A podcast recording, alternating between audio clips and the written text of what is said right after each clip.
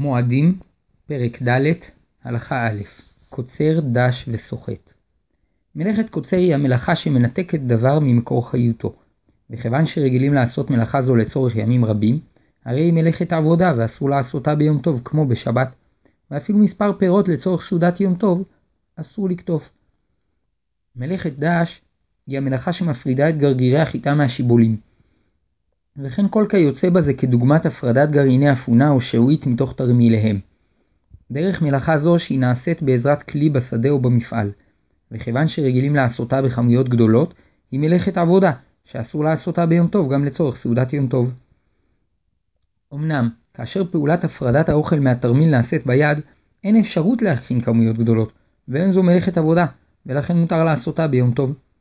לפיכך מותר להפריד בידיים את גרגירי החיטה האפונה והשעועית מתוך תרמיליהן, ואין צריך לבצע הפרדה זו בשינוי, אלא מותר לעשותה בדרך הנוחה ביותר. תולדה של מלאכת דש היא מלאכת מפרק, שעניינה הוצאת דבר מתוך דבר. בכלל מלאכה זו האיסור לסחוט ענבים ליין וזיתים לשמן, היינו להוציא משקה מתוך אוכל. וכיוון שמלאכה זו נעשית לימים רבים, הרי היא מלאכת עבודה ואסור לעשותה ביום טוב כמו בשבת. וכל פרטי דיניה שווים לשבת. ועיקרם בקצרה, אסור לסחוט פירות לצורך משקה נוזלי, אבל מותר לסחוט לימון לתוך סלט או על דג, הואיל וסחיטה זו אינה יוצרת משקה, שכן הטיפות יוצאות ישירות מהלימון אל תוך אוכל אחר, שהוא הסלט או הדג. גם חליבת פרה אסורה משום מלאכה זו, וכדיניה בשבת, כך דיניה ביום טוב. מועדים, פרק ד', הלכה ב', טוחן. טחינה אסורה ביום טוב, וגם לצורך מאכלי יום טוב אסור לטחון קמח, הואיל ומלאכה זו נעשית בדרך כלל לצורך ימים רבים, והרי היא מכלל מלאכת עבודה שאסורה ביום טוב. אולם דיחה, היינו קטישת תבלינים, מותרת ביום טוב, מפני שרגילים לעשותה במטבח לצורך מאכלי אותו היום, ואין צורך לשנות דבר בקטישה. ויש אומרים שנכון לשנות מעט בדרך הקטישה, כגון שיתה מעט את המדוכה, או שיתה מעט את הכלי שבתוכה תבלינים, שעל ידי כך יזכור שהוא יום טוב, ולא יכתוש עבור ימים נוספים. וכל מה שהתירו קטישת תבלינים ביום טוב הוא בתנאי שהקטישה תיעשה במכתשת ביתית, שרגילים לכתוש בתבלינים לצורך אותו היום, אבל אסור לשחוק פלפלים וכיוצא בהם בריחיים קטנות, הואיל ורגילים לכתוש בהם תבלינים לצורך ימים רבים. מותר לרסק ירקות וגבינה במגרדת, מפני שהמגרדת מיועדת בדרך כלל לתחינת מאכלים לצורך אותו היום. אמנם כאשר נצרכים לרסק לצורך יום טוב מאכלים שלעיתים מרסקים לצורך כמה ימים, יש לשנות מעט, כגון שיהפוך את המגרדת, או שאם הוא רגיל לרסק על גבי צלחת, ירסק על גבי מגש. כמובן שכל מה שמותר בשבת מותר ביום טוב, לפיכך מותר לרסק ביסקוויטים ומצות שהואיל ונעשו מקמח, הרי שכבר עברו תחינה בעבר, ואין בהם יותר איסור תחינה. ואומנם בשבת אסור לטחון אותם בכלי המיוחד לריסוק, כדוגמת מגרדת, כדי שלא ייראה כמי שטוחן באיסור, אולם ביום טוב מותר לטחון אותם גם במגרדת. מועדים, פרק ד', הלכה ג' ניפוי קמח ולש. מלאכת מרקד היא מלאכת ניפוי הקמח. לאחר גמר טחינת הקמח נותרים בקמח חלקיקים גסים שנקראים סובין, שמקורם בקליפת גרגיר החיטה. כדי להפריד את הקמח מהסובין, מרקדים את הקמח בנפה. הסובין נותרים למעלה, והקמח יורד דרך המסננת שבנפה. כמו כל המלאכות שרגילים לעשות לימים רבים, גם מלאכה זו אסורה ביום טוב. אמנם כאשר הקמח כבר מנופה, רוצים לחזור לנפותו כדי לייפותו לקראת הלישה, או כדי להוציא ממנו צרור או קסם שנפל בו, אין בכך איסור. אלא שכדי שיהיה ברור שמדובר בניפוי שנועד לאכילת אותו היום, אמרו חכמים שצריך לשנות מעט בדרך הניפוי, שאם רגילים לנפות לתוך קערה, ינפו על השולחן, או שינפו על נפה הפוכה. וכן הדין לגבי קמח שאנו קונים בחבילות, שהואיל והוא מנופה היטב, מותר ביום טוב לחזור לנפותו בשינוי מועט כדי לבודקו מתולעים או כדי לייפותו.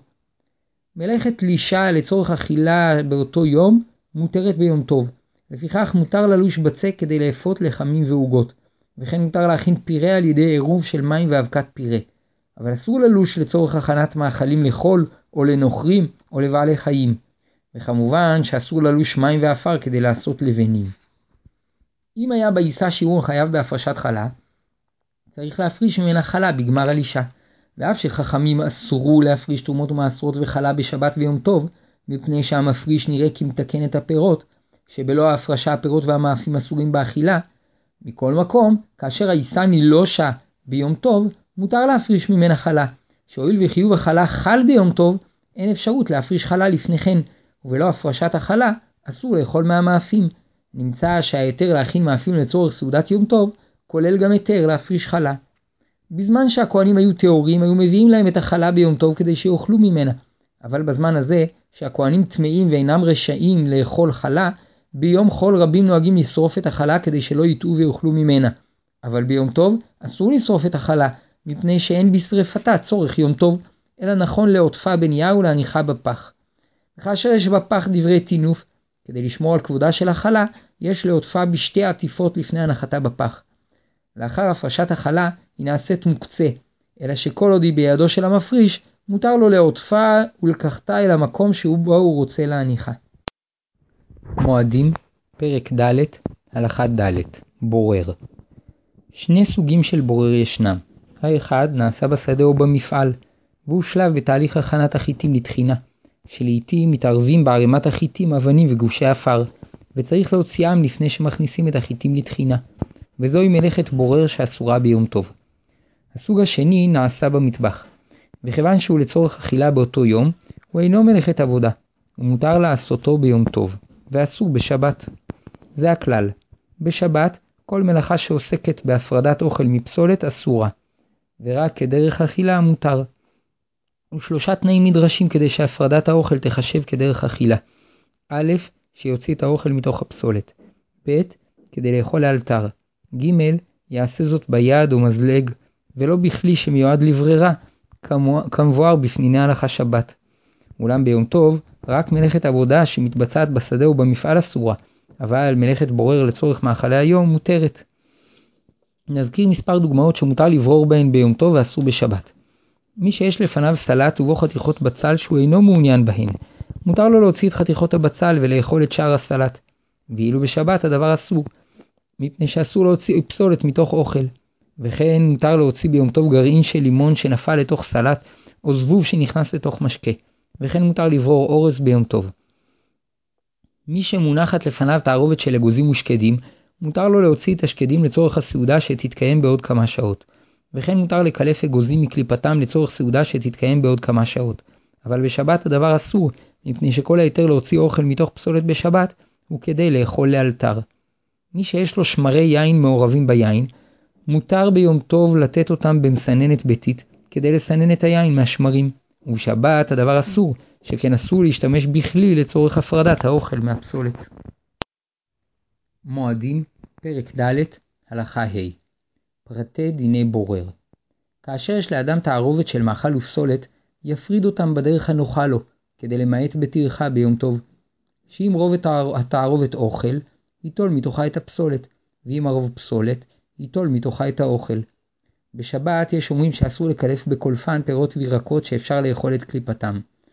וביום טוב מותר לקלף בקולפן אפילו פירות שהקליפות שלהם אינן ראויות לאכילה. בשבת אסור להוציא גלעיני זיתים בעזרת מכשיר מיוחד שנועד לכך. וביום טוב מותר. בשבת רבים מחמירים שלא להוציא את העצמות מהדגים והבשר לפני שמתחילים לאוכלם. ואילו ביום טוב לכל הדעות מותר להוציא את העצמות לפני הסעודה. בשבת אסור לשפוך את הנוזלים שנמצאים עם תירס ואפונים בקופסת השימועים, וכן אסור לשפוך את השמן שבקופסת הטונה, וביום טוב מותר. בשבת אין להשתמש בכף מחוררת כדי להפריד מאכל מהנוזלים שבו, וביום טוב מותר. בשבת אסור לסנן אטריות מהמים שלהם, וכן אסור להפריד את הנוזלים שבמרק מחלקיקי המאכלים שבו, ובוודאי שאסור לעשות זאת על ידי מסננת, ואילו ביום טוב מותר. כשם שמותר לברור מאכלים לצורך יום טוב, כן מותר לברור בגדים וכלים ומשחקים לצורך יום טוב. כפי שלמדנו, כל אימת שאפשר לעשות את המלאכה בערב יום טוב בלא שהמאכל ייפגם, צריך לעשותה בערב יום טוב, ואם לא עשה בערב יום טוב, מותר לעשותה ביום טוב בשינוי בלבד.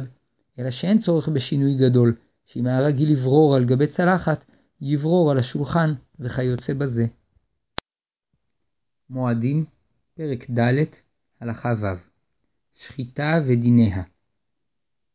מותר לשחוט בהמה, חיה ועוף בשביל לאוכלם ביום טוב, ואפילו הוא רוצה לאכול מנה קטנה של בשר, רשאי לשחוט בהמה, שאין אפשרות לאכול כזית בלא שישחט את הבהמה כולה.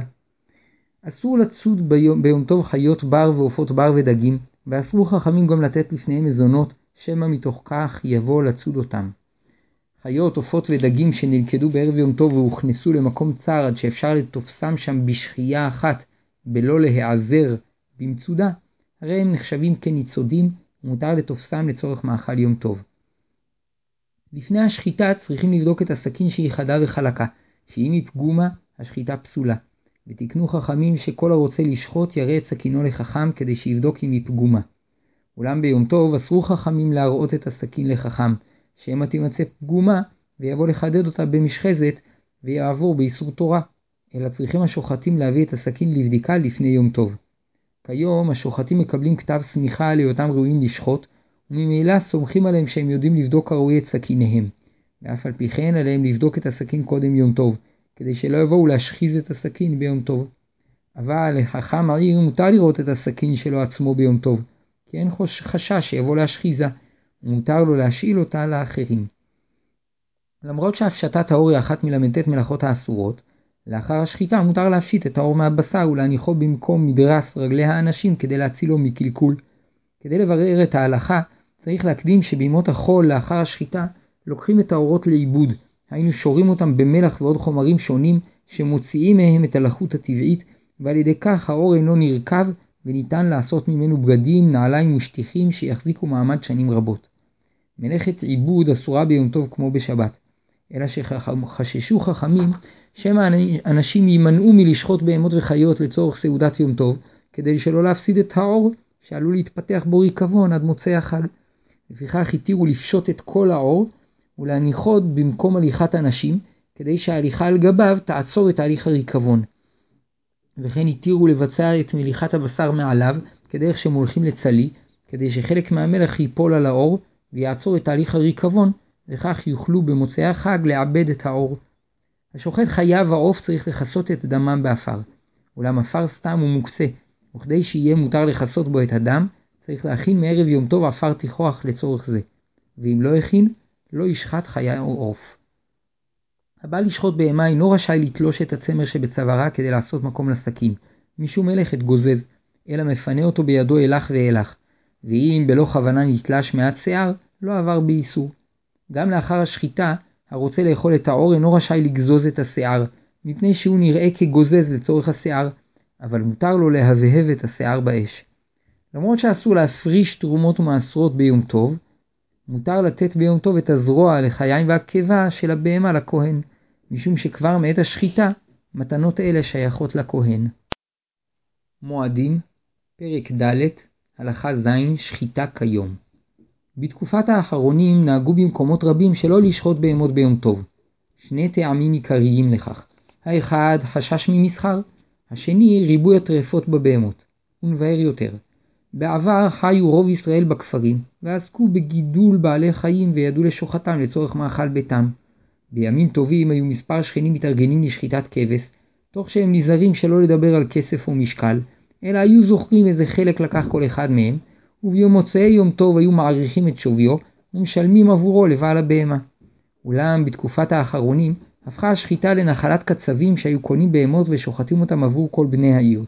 ולצורך יום טוב היו צריכים לשחוט בהמות רבות ולחלק את בשרם לאנשים רבים. וכיוון שלא יכלו לזכור עד מוצאי יום טוב כמה בשר לקח כל אחד, היו עלילים להגיע למקח וממכר המוני האסור מהתורה. הבעיה השנייה, שבמקומות שונים התרבו סרחות הריאה, עד שלעיתים מחצית מהבהמות נמצאו טרפות. ואומנם לדעת רבים גם במצב כזה מותר לשחוט ביום טוב, אולם יש שהחמירו בזה, הואיל וישנו סיכוי סביר שהבהמה טרפה, ומלאכת השחיטה תיעשה שלא לצורך אכילה. לפיכך, רבים מהאחרונים כתבו שלא לשחוט בהמות ביום טוב, אבל עופות נהגו לשחוט גם בתקופת האחרונים, שהואיל והם קטנים, אין צורך לחלק את בשרם למספר משפחות, וממילא היה פחות חשש שיגיעו לידי מקח וממכר בבשרם. בנוסף לכך, אחוז הטרפות בעופות נמוך בהרבה. וכיום, שיש אפשרות נוחה לשמור את הבשר במקרר, גם העופות נוהגים שלא לשחוט, כדי לחסוך את הטרחה המרובה של השחיטה, הבדיקה, ההפשטה והמליחה. אמנם כשיש צורך גדול, גם כיום מותר לשחוט ביום טוב. לפיכך, אם אחת הבהמות נטטה למות, מותר להזדרז לשוחטה ביום טוב כדי שלא לאבד את בשרה, ובתנאי שעוד יוכלו להספיק להכין מבשרה כזית צלי ולאוכלו ביום טוב.